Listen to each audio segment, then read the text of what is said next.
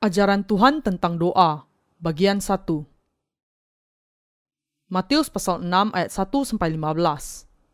Ingatlah, jangan kamu melakukan kewajiban agamamu di hadapan orang supaya dilihat mereka, karena jika demikian, kamu tidak beroleh upah dari Bapamu yang di surga. Jadi, apabila engkau memberi sedekah, janganlah engkau mencanangkan hal itu seperti yang dilakukan orang munafik di rumah-rumah ibadat dan di lorong-lorong supaya mereka dipuji orang. Aku berkata kepadamu, sesungguhnya mereka sudah mendapat upahnya.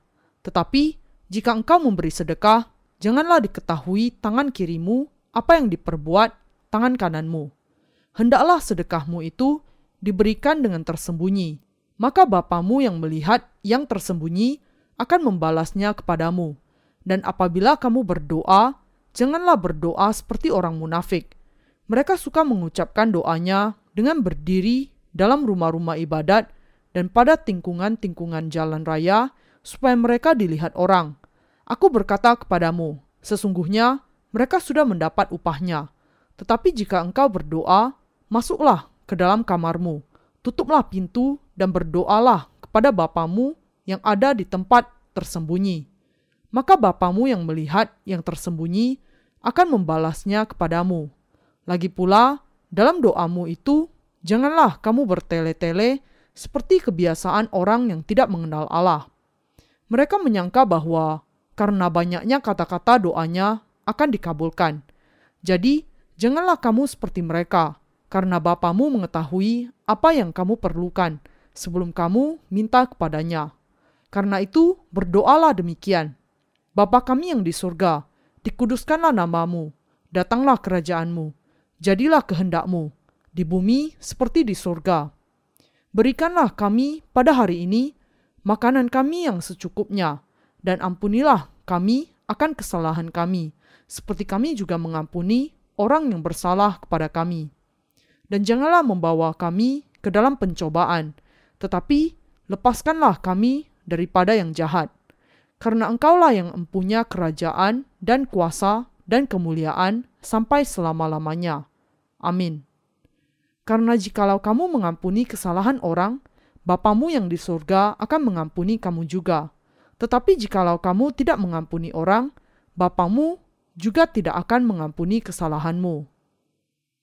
Ada seorang anak yang bernama Jin Woo Kim di gereja kami. Dia hampir mati karena sebuah penyakit yang sangat langka. Ketika dia pertama kali dirawat di rumah sakit, Bahkan para dokter tidak tahu penyebab penyakitnya. Jadi, mereka tidak tahu bagaimana mengobatinya. Kami hanya bisa berdoa kepada Allah agar Dia menyembuhkan anak ini. Dan sekarang, Tuhan menuntun anak ini untuk bertemu dengan dokter yang lebih baik, sehingga kondisinya sekarang membaik. Ketika masa-masa sulit datang ke dalam kehidupan kita, kita harus melakukan semua yang harus kita lakukan, tetapi pertama-tama kita harus ingat untuk berdoa. Dalam Matius pasal 6 ayat 1, Tuhan mengatakan, Ingatlah, jangan kamu melakukan kewajiban agamamu di hadapan orang supaya dilihat mereka. Karena jika demikian, kamu tidak beroleh upah dari Bapamu yang di surga. Ini berarti bahwa kita jangan sampai memamerkan kebenaran kita kepada orang lain dalam kehidupan keagamaan kita. Kata-kata ini adalah untuk orang-orang yang sudah dilahirkan kembali dan juga yang belum dilahirkan kembali. Namun, kita, orang-orang benar, harus senantiasa ingat perkataan ini. Ingatlah, jangan kamu melakukan kewajiban agamamu di hadapan orang supaya dilihat mereka. Tuhan mengatakan bahwa jika kita melaksanakan perbuatan baik kita agar dilihat oleh orang lain, kita tidak akan diberi upah oleh Bapa yang ada di surga. Kita bisa menemukan tema yang sama di dalam pelajaran Alkitab hari ini yaitu apa pun yang kita lakukan, jangan sampai kita melakukannya di depan orang untuk memamerkan kebenaran kita. Tuhan mengatakan bahwa kita harus percaya kepadanya dan firman-Nya di dalam hati kita, dan dengan sepenuh hati melakukan karya kebenaran di hadapan Allah yang melihat kita secara tersembunyi. Ini berarti bahwa kita harus melakukan sesuatu yang baik dari hati kita dan bukannya untuk pamer. Hanya demikian Allah Bapa akan memberikan pahala kepada kita dan kita bisa menerima pahala itu ketika Allah membalasnya kepada kita. Dengan kata lain, kalau kita menjalani kehidupan iman kita hanya untuk pamer, Allah tidak akan memberikan persetujuannya. Tidak peduli bagaimanapun kerasnya seseorang berusaha melakukan apa yang baik, tidak akan diterima jika hal itu dilakukan untuk pamer saja. Lalu, apakah berarti suatu kemunafikan jika orang lain melihat kebaikan kita? Tidak demikian. Apakah dilihat orang lain atau tidak, kalau seseorang melakukan kebenaran karena imannya, maka hal itu dilakukan karena iman dan bukan pamer. Segala sesuatu yang tidak dilakukan dengan iman dan hati yang percaya adalah kemunafikan. Tidak peduli apakah ada orang lain melihat tindakan kebaikan kita atau tidak. Singkatnya, melaksanakan firman Allah di hadapannya dengan iman akan senantiasa diterima oleh Allah. Tetapi apa pun yang kita lakukan hanya untuk mendapatkan persetujuan manusia dan bukan persetujuan Allah adalah pamer belaka. Allah tidak akan memberikan pahala kepada iman yang munafik, dan karena itu kita harus menghindari iman yang demikian dalam kehidupan keagamaan kita. Kita harus senantiasa mengingat ajaran ini ketika kita melakukan perbuatan yang baik atau sedang berdoa. Beginilah doa yang Dia kehendaki dari kita. Di dalam Matius pasal 6 ayat 5 sampai 6 dikatakan, "Dan apabila kamu berdoa, Janganlah berdoa seperti orang munafik. Mereka suka mengucapkan doanya dengan berdiri dalam rumah-rumah ibadat dan pada tingkungan-tingkungan jalan raya, supaya mereka dilihat orang. Aku berkata kepadamu, sesungguhnya mereka sudah mendapat upahnya. Tetapi jika engkau berdoa, masuklah ke dalam kamarmu, tutuplah pintu dan berdoalah kepada Bapamu yang ada di tempat tersembunyi. Maka Bapamu yang melihat yang tersembunyi akan membalasnya kepadamu. Ketika kita berdoa, apa yang sebenarnya kita butuhkan? Kita harus berdoa dengan hati yang datang kepada Allah seperti seorang anak kecil. Allah, aku tidak mempunyai ini. Berikanlah ini kepadaku. Allah Bapa, aku dalam kesulitan. Tolonglah aku. Berdoa dengan hati seperti anak kecil adalah berdoa seperti ini, dan sangat mungkin ketika kita memiliki iman yang sederhana. Karena itu, ketika kita berdoa atau melakukan kebaikan, kita harus melakukan semuanya itu karena kita memiliki iman di dalam hati kita. Tuhan juga mengatakan, "Tetapi jika engkau berdoa, masuklah ke dalam kamarmu, tutuplah pintu dan berdoalah kepada Bapamu yang ada di tempat tersembunyi.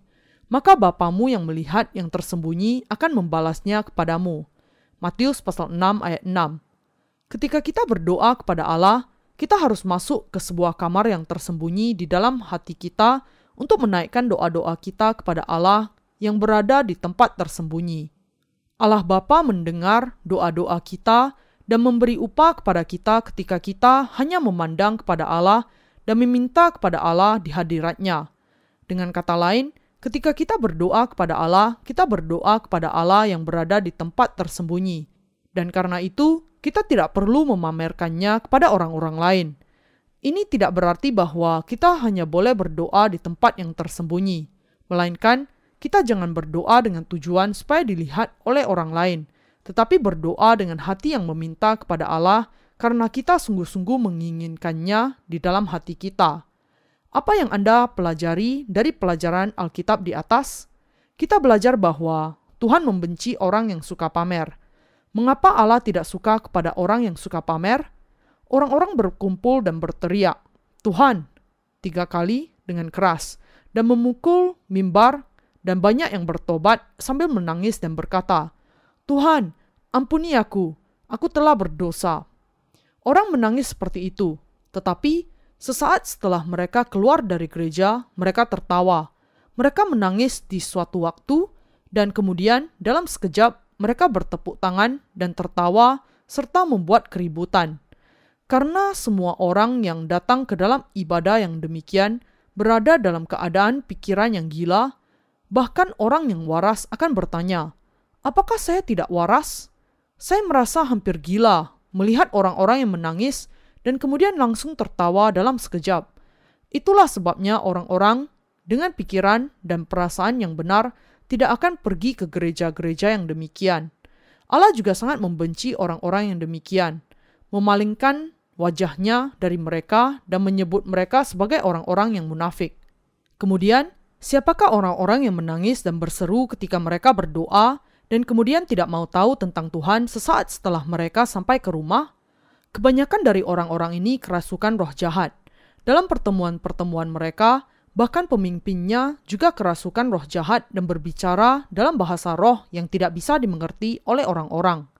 Kadangkala mereka memacu para pengikutnya untuk bersemangat dengan menggunakan efek suara dari mikrofon dan mengatakan, Terimalah api, api, api, api. Mereka membuat orang menjadi bingung, membuat mereka berdoa dengan air mata dan teriakan dalam satu waktu, dan sesaat kemudian memuji Tuhan dengan cara yang sangat menggebu-gebu dan riuh rendah. Perilaku seperti ini adalah perilaku pamer yang tidak ada hubungannya dengan kehendak Tuhan. Ketika kita membaca firman Allah, kita bisa melihat bahwa Allah tidak suka pamer, hanya doa yang dinaikkan dengan iman dengan memberikan hati kita kepada Allah sepenuhnya sajalah yang menyenangkan Allah. Allah sudah tahu jenis iman yang bagaimana yang ada pada kita ketika kita berdoa dan ingin mendengar doa kita yang benar di hadapan Allah. Kita harus mengubah sikap doa kita di hadapan Tuhan kita. Yang harus kita lakukan adalah bersikap jujur dan sederhana saat kita meminta. Tuhan, saya tidak punya ini, berikanlah kepada saya. Karena iman kita tidak cukup kuat sehingga kita menggunakan banyak ungkapan yang berbunga-bunga ketika kita berdoa. Kalau kita terus mendengar tentang firman Allah, iman kita yang percaya kepada Allah juga bertumbuh. Ketika kita berpegang kepada firman Allah dan berdoa, kita tumbuh menjadi semakin percaya kepada Allah. Dan ketika kita menerima jawabannya atas doa-doa kita yang kita naikkan dengan iman, kita bahkan semakin bersyukur kepada Allah. Dan semakin banyak kita belajar tentang Allah, kita akan bertumbuh menjadi orang yang beriman.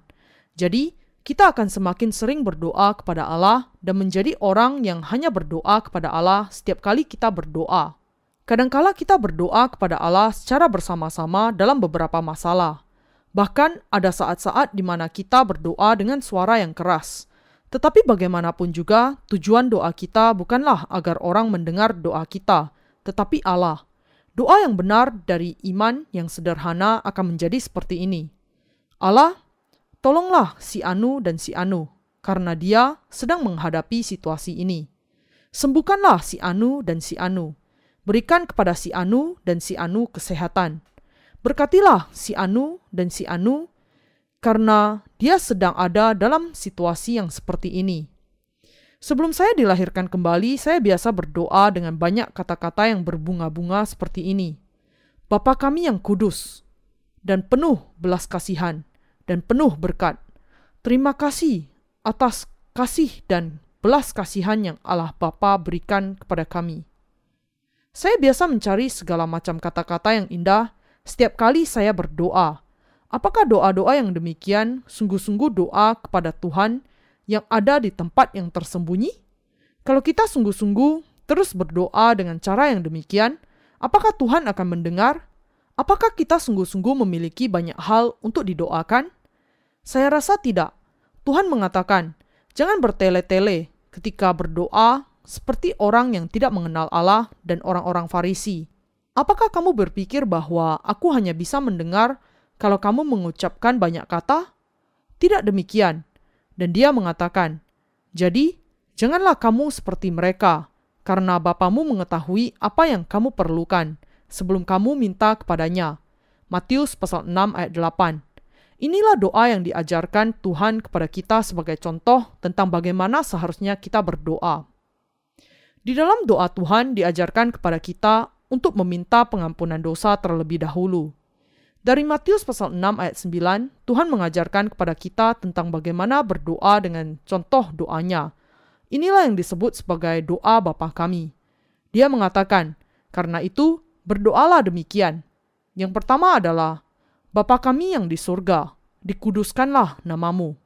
Ini berarti bahwa kita harus berdoa agar nama Tuhan akan dikuduskan.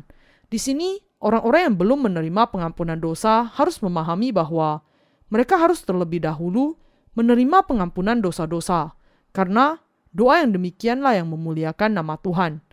Karena itu, seorang yang berdosa harus terlebih dahulu berdoa demikian. Allah, hapuskanlah dosa-dosaku, jadikan aku anak Allah. Demikianlah mereka harus berdoa terlebih dahulu. Mereka kemudian juga harus berdoa, Tolonglah aku untuk dilahirkan kembali dengan mendengarkan Injil air dan roh. Tolonglah aku untuk percaya kepada semua firman-Mu. Tolonglah aku untuk memahami setiap firman Allah. Demikianlah mereka harus berdoa terlebih dahulu. Namun, hanya kita, orang-orang benar, yang sudah menerima pengampunan dosa yang bisa menaikkan doa yang benar dan menjalani kehidupan yang baik yang memenuhi ayat pertama dari doa Tuhan. Bapa kami yang di surga, dikuduskanlah namamu. Sebenarnya, jika kita mau menghindar dari pencemaran nama Allah dan menjalani kehidupan yang kudus, kita harus berdoa kepada Allah meminta pertolongan seperti ini. Janganlah biarkan aku menjadi batu sandungan dan mencemarkan namamu. Tolonglah aku menjalani kehidupan yang kudus dengan iman sepanjang hidupku. Tolonglah aku menjalani kehidupan yang kudus demi kebenaran Allah. Kita harus berdoa kepada Allah untuk senantiasa memegang kita. Ketika kita meminta pertolongan untuk bisa mempermuliakan nama Allah, Dia memberikan kepada kita orang-orang benar pokok doa yang pertama untuk menjalani kehidupan kita dalam kekudusan, sehingga namanya akan dikuduskan. Karena orang-orang berdosa tidak bisa memanggil Allah sebagai Bapa mereka, mereka terlebih dahulu harus berdoa meminta pengampunan dosa-dosa mereka. Tolong hapuskanlah dosa-dosaku Tolonglah aku memahami Injil air dan roh yang engkau berikan kepadaku. Tolonglah aku menerima pengampunan dosa dengan mengenal dan percaya kepada kebenaran penebusanmu. Agar bisa memuliakan nama Allah sebagaimana ayat pertama dari doa Tuhan, setiap orang berdosa harus terlebih dahulu berdoa, meminta Allah menolong mereka, memberikan pengampunan dosa. Kita harus menjalani kehidupan doa yang adalah bagi kerajaan Allah di bumi. Apakah bagian yang kedua dari doa itu? Yaitu, datanglah kerajaanmu, jadilah kehendakmu di bumi seperti di surga. Kita harus berdoa agar kerajaan Allah ditetapkan di atas bumi. Allah Bapa kita mengutus Tuhan kita dan menghapuskan segala dosa kita sekali untuk selamanya dengan baptisan Tuhan dan darahnya di kayu salib. Karena itu, kita memiliki roh kudus di dalam hati kita dan kerajaan Allah ada di dalam hati kita secara rohani. Namun, masih banyak orang yang belum menerima pengampunan dosa di dalam hati mereka dan bergumul dengan dosa. Karena kerajaan Allah belum ada di dalam hati mereka, maka mereka harus berdoa untuk pengampunan dosa mereka terlebih dahulu. Tuhan kita sudah menghapuskan segala dosa dunia sekitar 2000 tahun yang lalu ketika dia dibaptiskan oleh Yohanes Pembaptis dan disalibkan. Namun, masih banyak orang yang memiliki dosa karena mereka tidak tahu dan tidak percaya kepada hal ini. Karena itu, kita harus berdoa agar mereka bisa menerima pengampunan dosa secara penuh. Allah adalah satu-satunya Tuhan atas semua manusia. Namun kenyataannya adalah bahwa banyak orang di dunia ini menyerah kepada iblis dan hidup sebagai hamba-hambanya dan bukan melayani Allah. Tuhan sungguh-sungguh membenci penghinaan yang demikian dan sungguh-sungguh menghendaki agar semua makhluknya yang diciptakannya akan percaya kepada firman-Nya dilahirkan kembali dan menjadi umatnya. Karena itu, kita harus berdoa agar kerajaan Allah akan datang ke dalam hati semua manusia sebelum datangnya akhir zaman dan kerajaan seribu tahun. Allah menghendaki agar kita berdoa supaya semua orang menerima pengampunan dosa, dan dengan demikian semua alam semesta akan menjadi kerajaan di mana Allah akan memerintah, dan bahwa semua ini akan terjadi. Karena itu, Allah memerintahkan kita yang sudah dilahirkan kembali untuk mengembangkan kerajaannya. Dengan kata lain, kita orang-orang benar harus berdoa untuk pengembangan kerajaan Allah. Kita harus menjalani kehidupan beriman untuk makanan kehidupan. Mari kita membaca Matius pasal 6 ayat 11 yang adalah pokok ketiga dari doa Tuhan kita. Berikanlah kami pada hari ini makanan kami yang secukupnya kita harus berdoa untuk makanan sehari-hari yang kita makan. Tetapi ini berarti bahwa kita juga harus meminta kepada Tuhan untuk makanan kehidupan kekal kita. Kita perlu mendapatkan makanan baik untuk tubuh maupun roh kita. Jadi, kita harus berdoa. Berikanlah kami makanan yang bisa kami makan untuk tubuh dan roh kami. Apa yang kita minta bukanlah persediaan untuk satu tahun atau satu bulan, tetapi kita meminta apa yang kita perlukan bagi daging dan roh kita setiap hari. Saudara Kristen yang terkasih, kita perlu berdoa untuk makanan rohani kita setiap hari. Tidak salah bagi kita untuk berdoa kepada Allah untuk makanan daging dan roh kita. Karena kita menjadi umat yang percaya kepada Injil air dan roh, dan dengan demikian memperoleh hak istimewa untuk meminta kepada Allah Bapa apa saja yang kita perlukan, maka kita juga harus berdoa sesuai dengan pokok doa yang ketiga ini. Orang-orang yang percaya kepada Injil air dan roh jelas sekali adalah orang-orang yang bekerja bagi kebenaran Allah, dan karena itu harus berdoa agar Allah membantu dengan materi duniawi untuk Injil, air, dan Roh untuk memberkati pekerjaan yang sedang dilakukan. Layak sekali bagi orang-orang benar untuk hidup bagi kebenaran Allah dan hidup dengan benar untuk memberitakan Injil air dan roh. Kita tidak hanya menaikkan doa Bapa kami ini satu kali seumur hidup kita, tetapi kita harus menaikkan doa ini setiap hari. Kalau kita berdoa agar Allah memberikan kepada kita makanan sehari-hari yang kita butuhkan, Allah akan menjawab kita. Ketika kita berdoa dengan hati kita, kita bisa mengalami pemberian dari Allah bagi kita untuk makanan bagi daging dan roh di dalam gereja Allah. Dia memberikan makanan yang demikian secukupnya sehingga para hamba Allah, umatnya, dan semua orang Kristen bisa berkumpul bersama-sama di dalam gerejanya dan hidup dalam kesatuan satu sama lainnya ketika mereka bekerja bagi Injil atau memuji atau melayani Tuhan. Allah memberikan kepada kita makanan rohani setiap hari ketika kita mendengarkan khotbah hamba-hambanya, kesaksian dari orang-orang kudus, dan bahkan ketika kita merenungkan Alkitab sendiri. Kita orang-orang benar sering bisa mendapatkan lebih banyak makanan dari kehidupan kita sehari-hari dibandingkan dengan membaca firman Allah. Roh Kudus di dalam hati kita senantiasa berkenan dan senang dengan pekerjaan yang berkenan kepada Allah Bapa kita. Dan yang membuat Roh Kudus berkenan di dalam hati kita adalah makanan sehari-hari bagi kehidupan kita. Kalau kita berdoa setiap hari kepada Tuhan, berikanlah kami makanan, dan kemudian tidak melakukan apa pun, ini bukan doa yang tulus. Kalau Anda berdoa kepada Allah, Anda harus mengantisipasi tentang cara apa yang akan dipakai Allah untuk menjawab doa tersebut dan melakukan yang terbaik, sehingga Allah bisa bekerja melalui kita.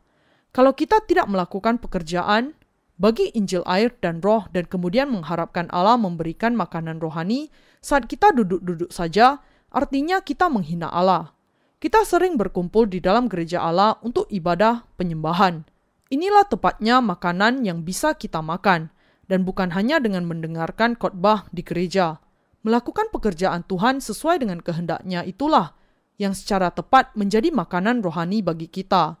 Kalau orang benar tidak melakukan pekerjaan Allah setelah menerima pengampunan dosa, imannya cepat atau lambat akan mati dan akhirnya dia akan meninggalkan gereja Allah.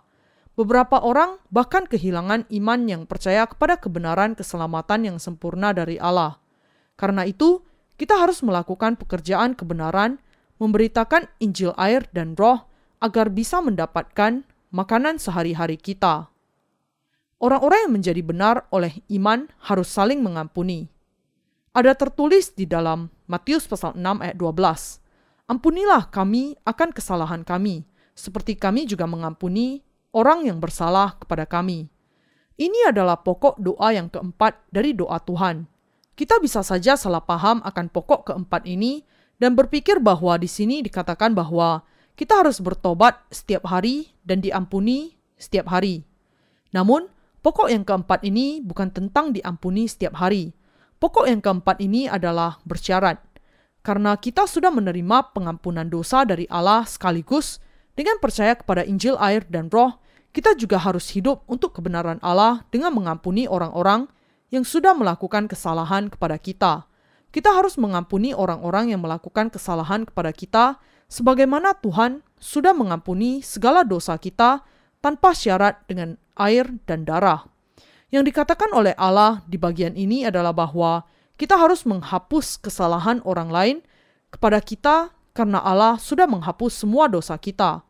Bayangkan kalau kita memiliki hutang 500 miliar dolar yang merupakan jumlah uang yang begitu besar yang tidak akan mungkin kita bayar meskipun kita bekerja seumur hidup kita. Hutang dari dosa kita masing-masing adalah sebesar itu.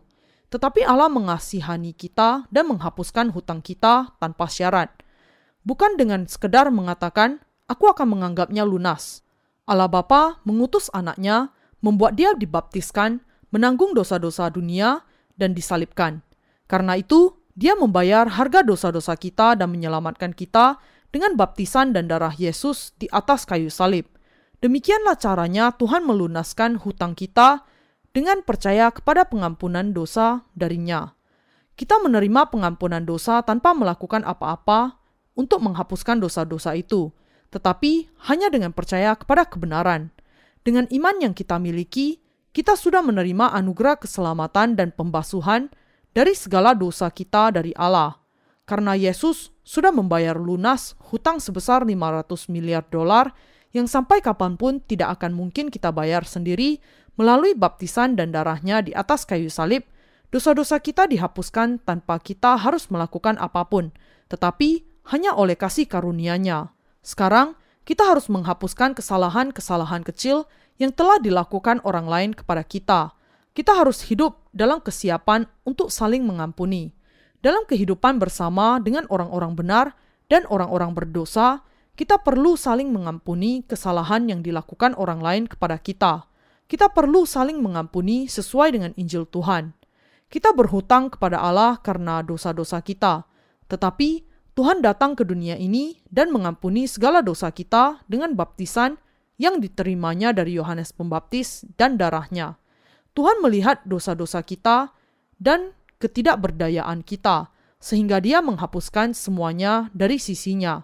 Karena Tuhan tahu bahwa kita tidak akan bisa menjadi benar Bahkan jika kita mengabdikan hidup kita untuk itu, dia menghapuskan segala dosa kita sekali untuk selamanya dengan kebenaran Injil air dan roh. Allah, Bapa, mengutus anaknya yang tunggal Yesus Kristus, membuat dia menanggung dosa-dosa dunia dengan baptisannya, disalibkan, dan bangkit dan menyelamatkan kita secara sempurna dari segala dosa kita. Karena itu, Yesus Kristus menjadi juru selamat kita yang kekal yang menyelamatkan kita dari dosa-dosa kekal kita. Kita sudah bertemu Tuhan yang hidup dengan percaya kepada Injil, air, dan Roh. Apakah Anda percaya kepada Injil, air, dan Roh sebagai keselamatan Anda sendiri di dalam hati Anda? Ya, sudahkah kita menerima pengampunan dosa dengan percaya bahwa Yesus mengampuni segala dosa kita dengan Injil, air, dan Roh? Ya, kemudian karena kita sudah diampuni dari dosa-dosa dunia dengan anugerah yang ajaib itu, kita perlu mengampuni orang-orang lain yang bersalah kepada kita. Pokok doa yang keempat di dalam doa Tuhan adalah untuk saling mengampuni. Melaksanakan doa yang diperintahkan Tuhan kepada kita adalah cara yang benar di dalam kehidupan rohani kita.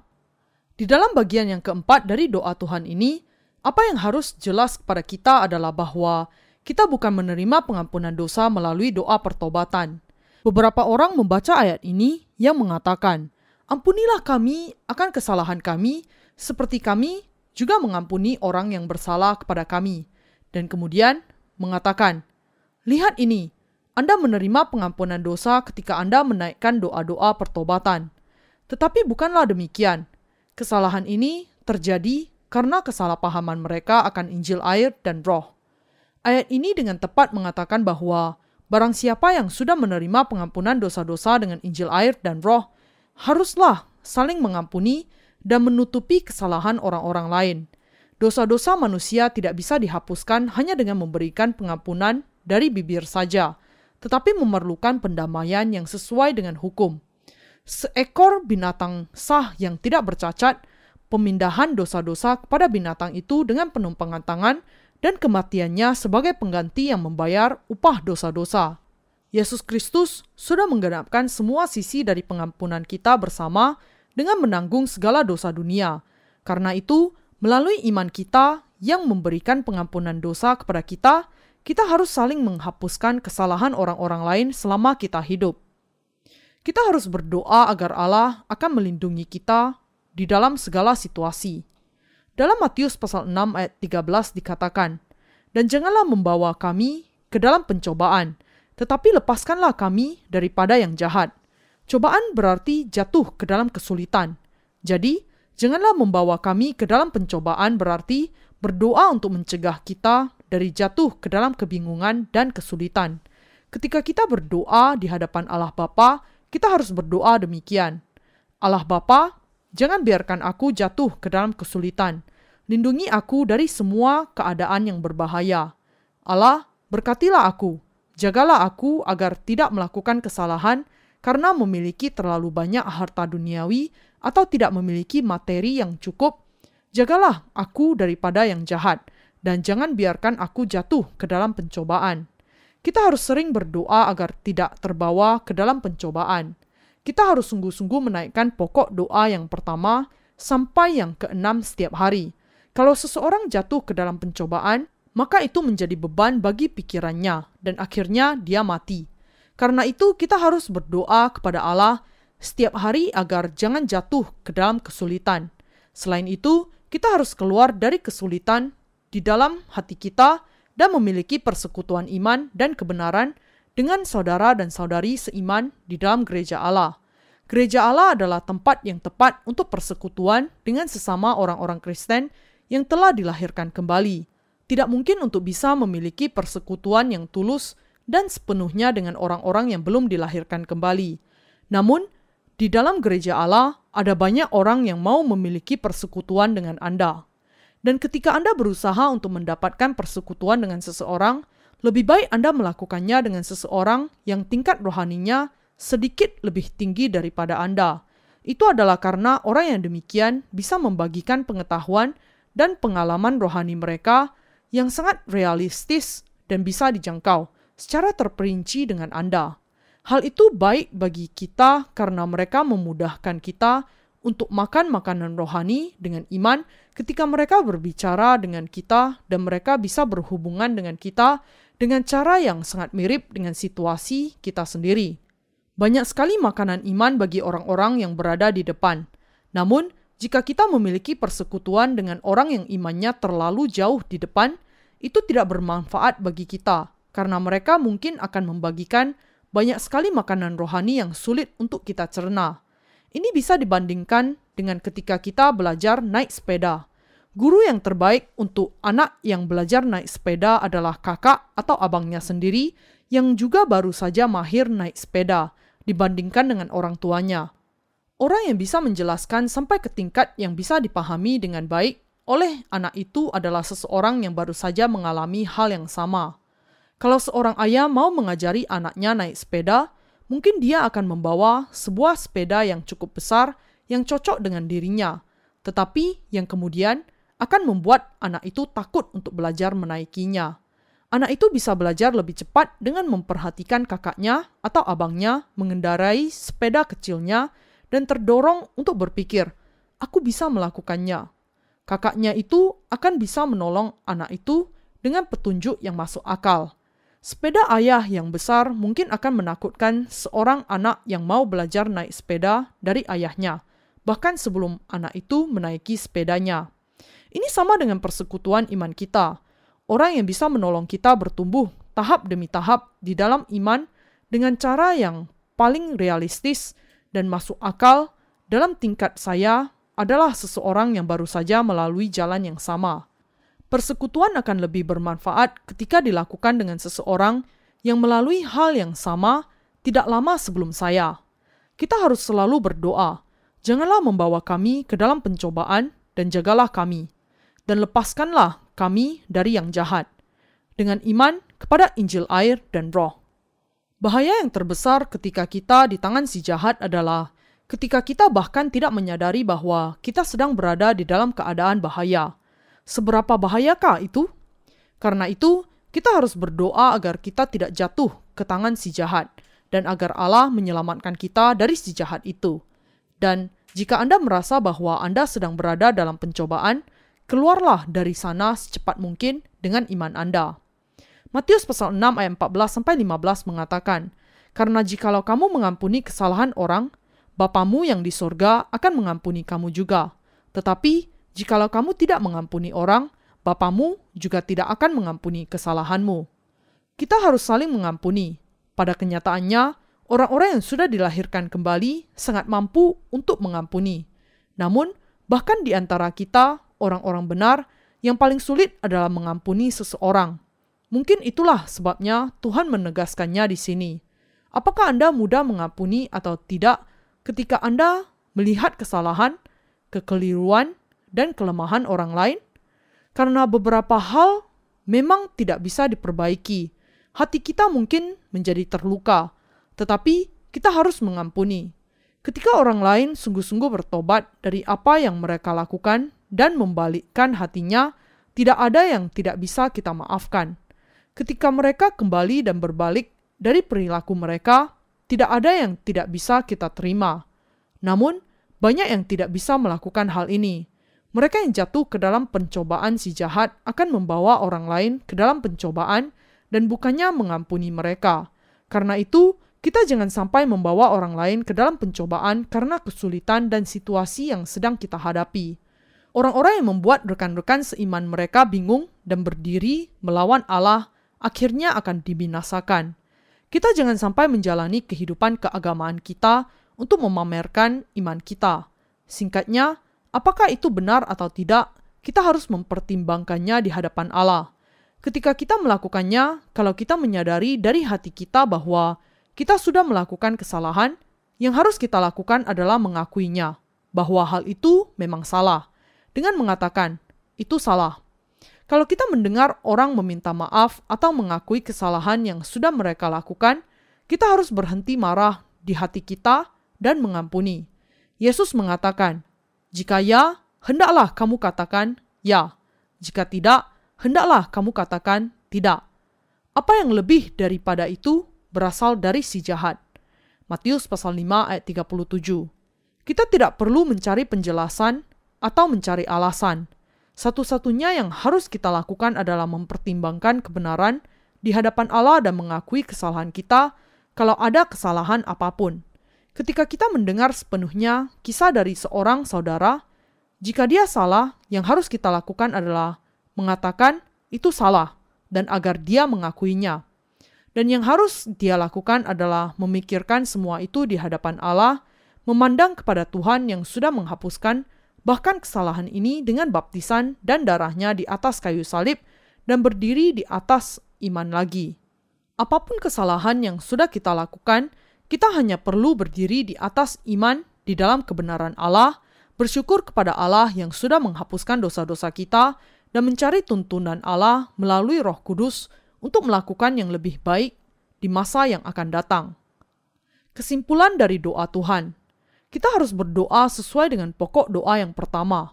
Bapa kami yang ada di surga, dimuliakanlah namamu.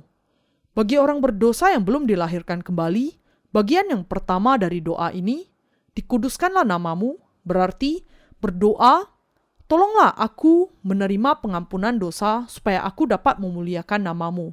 Tetapi bagi kita, orang-orang yang dilahirkan kembali, yang sudah menerima pengampunan dosa, ini berarti berdoa, "Tolonglah kami untuk menjalani kehidupan yang pantas, kehidupan yang benar, yang akan memuliakan Allah, dan senantiasa hidup demikian." Namun, mereka yang belum dilahirkan kembali harus terlebih dahulu berdoa untuk pengampunan dosa, sehingga mereka bisa memuliakan Allah. Karena itu, orang-orang benar harus berdoa demikian Tolonglah aku menjalani kehidupan yang kudus. Tolonglah aku menjalani kehidupan iman. Jangan biarkan aku mencemarkan namamu. Mendatangi orang berdosa dan menyetujui iman mereka agar bisa bekerja sama sebagai orang-orang benar adalah perilaku yang tidak berterima kasih kepada Allah yang mencemari nama Allah. Kita tidak boleh melakukan hal itu.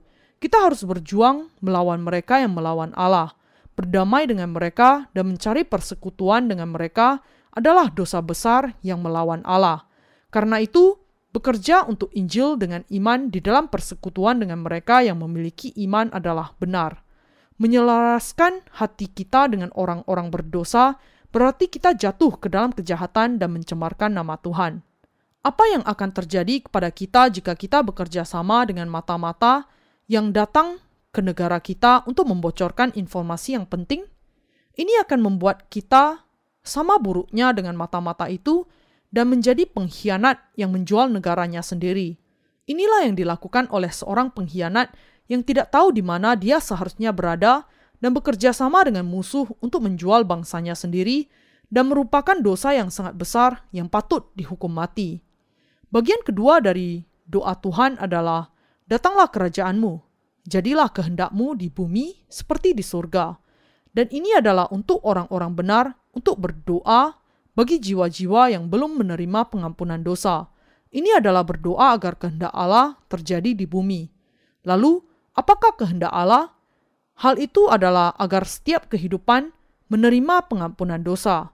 Kita harus meminta agar Allah menolong kita dengan hal itu. Kita harus berdoa untuk para pekerja dan untuk materi duniawi, dan kemudian kita perlu menyerahkan diri kita kepada Tuhan untuk melakukan pekerjaannya. Kita harus menyerahkan semua dari diri kita dan waktu dan usaha kita, serta segala sesuatu yang menjadi milik kita, agar kehendak Allah akan terlaksana di bumi. Kita harus hidup untuk pekerjaan yang akan membawa semua manusia ke dalam pengampunan dosa. Kita harus berdoa untuk hal itu setiap hari dan berusaha agar kehendak Allah terlaksana di bumi dengan memberikan hati dan tubuh kita dengan sesungguhnya. Beberapa orang setelah mereka menerima pengampunan dosa mengabaikan petunjuk Tuhan yang diajarkannya kepada kita untuk berdoa bagi kerajaan Allah. Kalau seseorang yang sudah menerima pengampunan dosa tidak berdoa untuk pengabaran Injil atau tidak bersekutu dengan gereja Allah untuk tujuan ini, maka dia sedang duduk di kursi orang jahat. Orang yang demikian tidak boleh mengharapkan berkat-berkat untuk tubuh dan jiwa dari Allah. Karena itu, dalam kenyataannya, orang-orang benar yang tidak hidup dan berdoa bagi kebenaran Allah sedang hidup di luar kehendak Allah dan tidak berada di dalam kesatuan dengan kehendak Allah. Kita harus berdoa untuk makanan kita sehari-hari yang adalah pokok doa yang ketiga. Berikanlah kami makanan agar kami tidak kelaparan. Berikan kami makanan untuk tubuh dan roh. Berkatilah bisnis kami sehingga kami bisa melakukan pekerjaan Allah. Kita harus berdoa untuk pemeliharaannya agar bisa melayani Injil air dan roh. Inilah pokok doa yang ketiga. Bagian yang keempat dari doa ini adalah bahwa kita harus mengampuni orang-orang yang sudah melakukan kesalahan kepada kita, sebagaimana Tuhan mengampuni segala dosa kita dengan air dan darah. Di antara saudara dan saudari dalam keluarga kita yang sudah menerima pengampunan dosa, dan hamba-hamba Tuhan, pria dan wanita, kita harus saling mengampuni kesalahan satu sama lain, sebagaimana Tuhan sudah menghapuskan segala dosa kita. Ketika seseorang mengatakan ini salah, yang lainnya harus mengakui, "Ah, benar, saya salah." Lalu kita harus saling mengampuni dari dalam hati kita.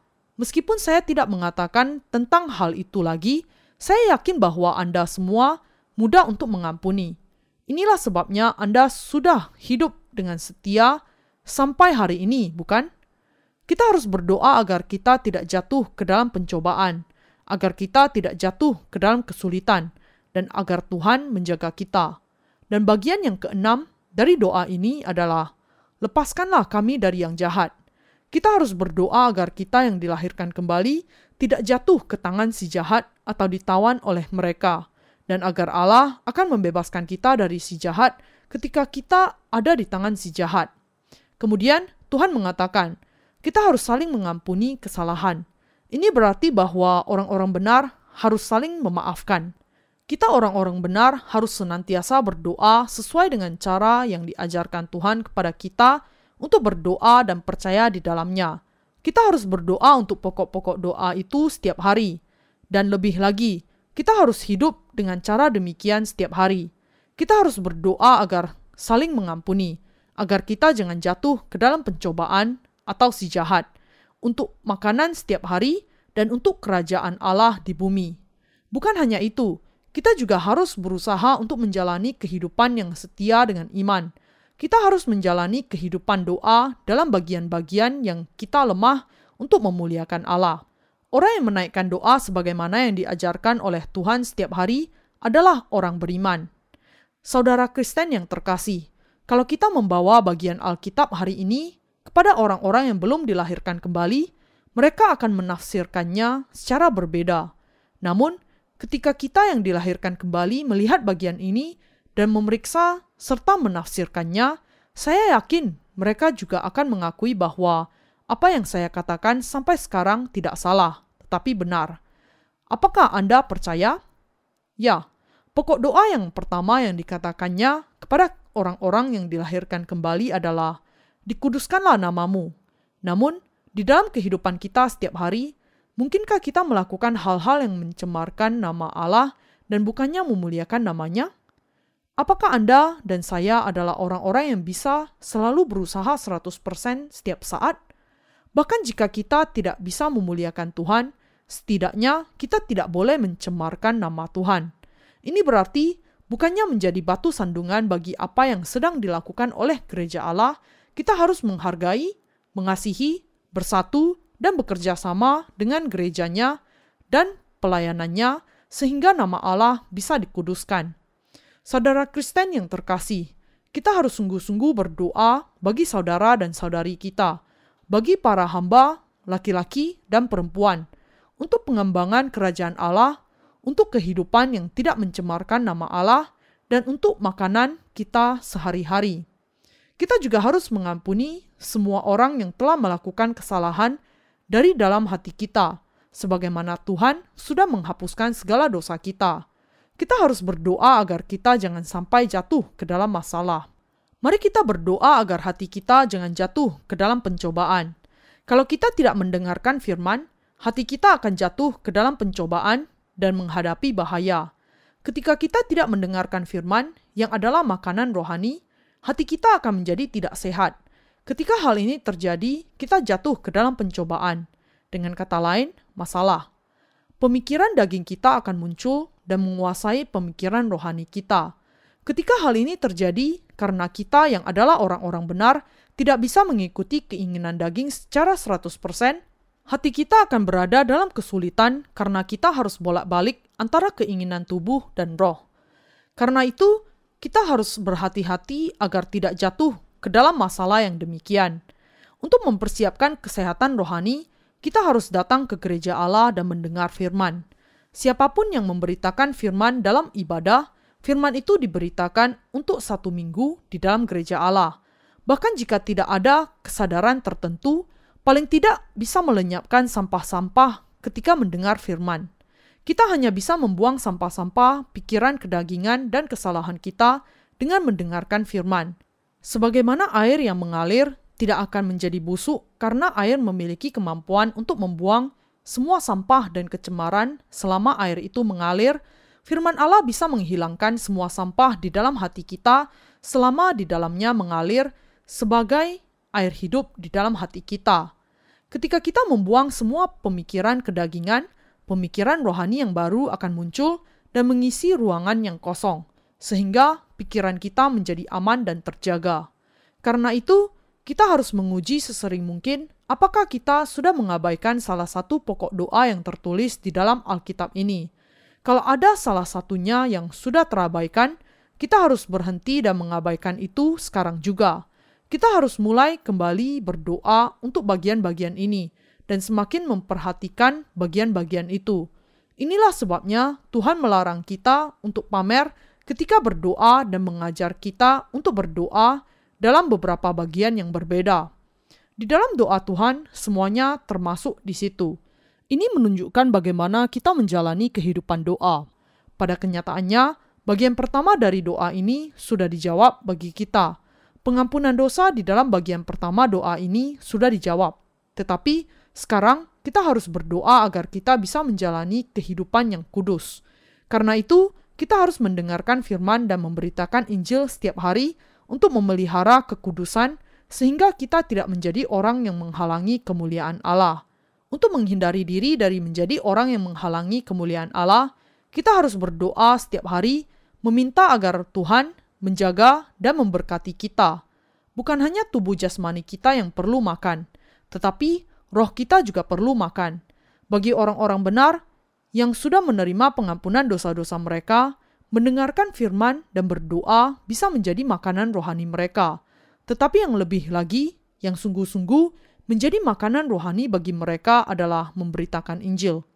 Kalau roh berhenti mendengar firman dan menanamkannya ke dalam hati kita, maka kita tidak lagi mendapatkan makanan yang memberikan kekuatan dan kesehatan. Makanan dengan gizi yang tinggi yang sungguh-sungguh memberikan kesehatan untuk hati kita adalah tindakan itu.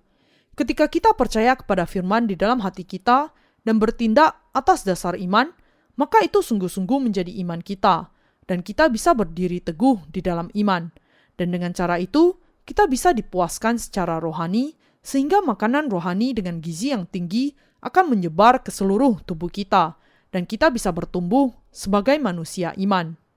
Jika si jahat berusaha untuk mengganggu, kita harus bersatu untuk mengusir si jahat. Dan kalau seseorang di antara kita jatuh ke tangan si jahat, kita harus bersatu untuk menolong dia.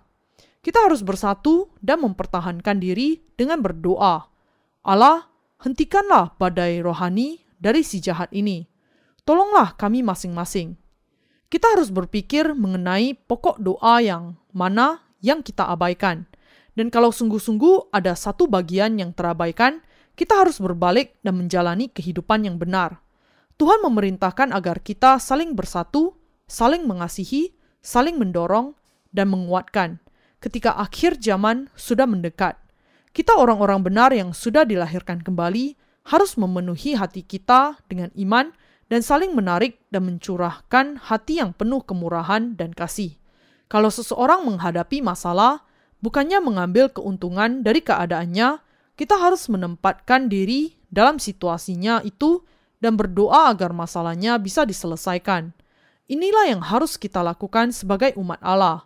Kita harus menganggap bahwa itu adalah masalah kita sendiri dan berpikir dengan pertimbangan seperti apa yang akan terjadi kalau situasi itu harus aku alami? Apa yang harus aku lakukan? Bahkan jika orang lain tidak melakukan sebagaimana yang akan kita lakukan dan tidak menjalani kehidupan yang benar, sehingga dia menjadi sulit untuk ditoleransi, kita tetap harus berdoa dan menerima dia dengan harapan bahwa dia akan berbalik. Karena kita adalah manusia, dengan banyak kelemahan, kita sering membuat kesalahan yang sangat buruk sekali. Meskipun demikian, karena Allah adalah hakim untuk penghakiman yang terakhir, hal itu tidak menjadi masalah jika kita bertobat dan berpegang kepada firman yang menghapuskan bahkan dosa-dosa yang demikian dengan iman kepada Allah. Itu karena jika Allah mengatakan itu bukan apa-apa, maka itu bukan apa-apa. Kita harus saling menerima orang lain di dalam iman yang percaya di dalam hati Tuhan, yang di dalamnya kita semua diterima. Bagaimanapun keadaannya, kita harus membuat keputusan akhir dengan kriteria yang berpusat kepada Allah. Doa yang berpusat kepada Allah, menjalani kehidupan yang berpusat kepada Allah, dan hidup seturut dengan doa Tuhan. Kita tidak boleh menjadi orang-orang dengan iman yang lemah, yang hanya memahami doa Tuhan, melainkan menjadi orang-orang yang memiliki iman yang kuat, yang memiliki pikiran yang benar, yang bertindak berdasarkan iman di dalam doa. Itu terjadi ketika kita semua menjadi orang-orang yang hidup seturut dengan doa Tuhan dengan percaya kepada Injil air dan roh. Saya sungguh-sungguh mengucapkan syukur kepada Allah yang menolong kita hidup seturut dengan kehendak Tuhan.